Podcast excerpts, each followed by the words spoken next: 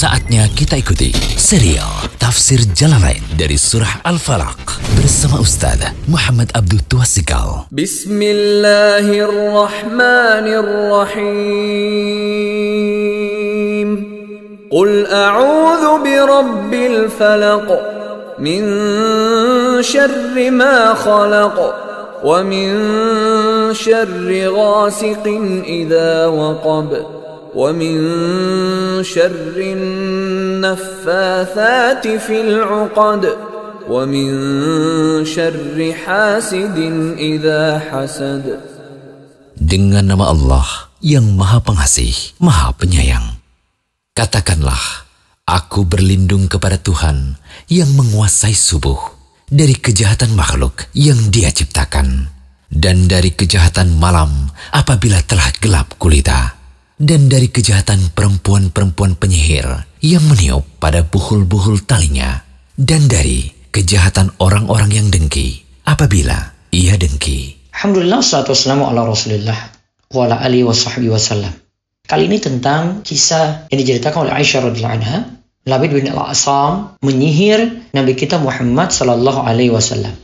Jadi sahar Rasulullah sallallahu alaihi wasallam rajulun min Bani Zuraik yuqalu Labid bin Al-Asam. Rasulullah Shallallahu alaihi wasallam itu pernah disihir oleh seorang dari Bani Zuraik namanya itu Labid bin Al-Asam. Hatta kana Rasulullah sallallahu alaihi wasallam yukhayyalu ilaihi annahu kana yaf'alu syai' wa ma fa'alahu. Sampai-sampai Rasulullah SAW itu dibayangkan pada sesuatu, padahal sejatinya beliau tidak melakukannya. Hatta idza kana zata yaumin sampai pada suatu hari audata lailatin atau suatu malam wa indi kata Aisyah dia berada di sisiku yaitu Nabi SAW ada di dekatku. Lakinnahu da'a wa da'a kemudian Nabi SAW terus berdoa berdoa. Semua qal kemudian dia yaitu Nabi SAW itu mengatakan ya Aisyah asy'arti anna Allah aftani fi mastaftaituhu fihi? Atani rajulani?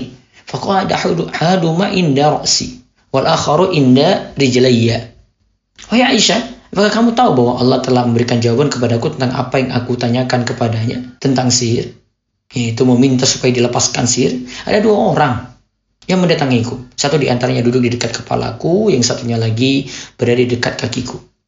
Lantas salah seorang di antara mereka itu, ya, fakolah haduhuma li sahibi, ada salah satu yang katakan pada rekannya, wa ma waja'ur rajul.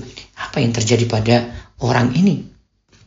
Apa yang terjadi pada orang ini? Sakit apa orang ini? Sakit apa dia? Dijawab, makbubun. Dia terkena sihir. Terus ditanya, mantop bahu. Siapa yang menyihirnya? Kemudian dijawab, Labid bin Lasa. Kalau fi aisyai'in. Nah, sihirnya itu pada apa? Dalam bentuk apa sihir itu? Ya. Kemudian dijawab, ya, sihir tadi fi mushtin wa musyatotin wa juffi tol'i nakhlatin zakarin Dijawab bahwasanya sihir itu ada pada sisir dan rontokan rambut ketika disisir dan kulit mayang kurma jantan. Nah lalu ditanya lagi, Ainahu? Di mana itu? Dijawab fi bi'ri zarwan. Itu ada di sumur zarwan. Maka fa'atah Rasulullah SAW fi nasin min ashabi. Lantas Rasulullah SAW itu mendatangi sumur itu bersama beberapa orang sahabat beliau. Lalu beliau datang dan berkata, Ya Aisyah, كأن ماءها نقاءة الحناء أو كأن رؤوس نخلها رؤوس الشياطين قلت يا رسول الله أفلا استخرجته Nah, disebut situ, wah Aisyah seakan-akan airnya itu berwarna merah. Seperti perasan daun pacar. Dan seakan-akan kulit mayang kurmanya seperti kepala setan.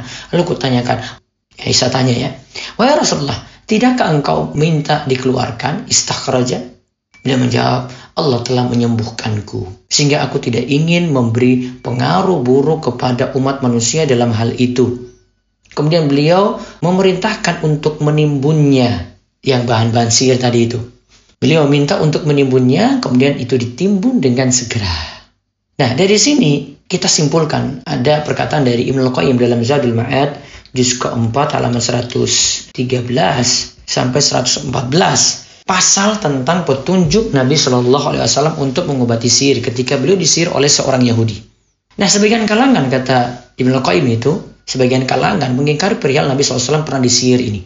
Sebagian mereka menyatakan bahwa tidak pantas hal itu terjadi pada Nabi Shallallahu Alaihi Wasallam. Nah mereka menyangka bahwa itu suatu kekurangan dan aib, celah. Padahal sejatinya itu bukan kekurangan dan aib karena Nabi SAW bisa saja tertimpa sakit. Sihir ini sama halnya dengan penyakit yang datang. Sihir yang terkena itu sama halnya dengan racun, tak ada bedanya. Jadi bisa saja diracuni seorang nabi, bisa jadi kena penyakit gitu. Terus Ibnu Qayyim melanjutkan, ada hadis dalam Sahihain Bukhari dan Muslim dari Aisyah radhiallahu anha yang berkata bahwa Rasulullah SAW pernah disihir sampai dibayangkan pada istrinya itu datang. Padahal kenyataannya tidak demikian. Ingat, ini bukan sihir biasa. Ibnu Qayyim melanjutkan lagi. Al-Qadiyah berkata, sihir itu termasuk penyakit. Nabi Shallallahu Alaihi Wasallam sah-sah saja menderita sakit, sebagaimana beliau terkena penyakit lainnya. Itu tidak ada yang mengingkari. Hal itu bukanlah celah pada nubuah beliau ya, kenabian beliau itu bukan celah. Ini tidak tercela di situ. Adapun keadaan beliau yang membayangkan melakukan suatu sesuatu padahal beliau tidak melakukannya, ini tidaklah menjadi celah, menjadi aib dalam hal kemaksuman beliau. Ya, dalam hal kemaksuman beliau yang dinyatakan dalam dalil bahkan ijma kata sepakat ulama, jadi beliau tetap maksum. Namun bisa saja beliau itu terkena sihir seperti itu. Intinya dari pembahasan ini kita ambil kesimpulan seorang nabi saja bisa seperti itu, apalagi kita-kita yang imannya itu kurang. Dan di sini tidak mencacati menjadikan aib risalah beliau. Kemudian perlu diingat lagi bahwasanya Nabi SAW memberikan jalan keluar tadi, ada solusi untuk mengatasi sihir. Ada tadi bacaan yang pernah diajarkan Jibril juga pada Nabi Shallallahu Alaihi Wasallam. Ada juga Nabi SAW minta supaya bahan-bahan tadi yang dijadikan bahan untuk sihir tadi ada sisir, rontokan rambut tadi diambil Nah, kemudian itu dihancurkan. Nah, itu namanya istakhraja. Mengeluarkan sihir dengan menghancurkan bahan-bahannya. Mungkin ada yang menggunakan kain mori, ada yang menggunakan bahan-bahan macam-macam. Ya. Dan bisa juga dengan rukyah, ya, membacakan surat Al-Falaq dan Anas sebagaimana pembahasan kita kali ini. Semoga Allah beri taufik dan hidayah dan semoga ilmu ini bermanfaat. Demikian serial Tafsir Jalalain dari Surah Al-Falaq bersama Ustaz Muhammad Abdul Tuasikal. Kunjungi terus situs rumaisurutcom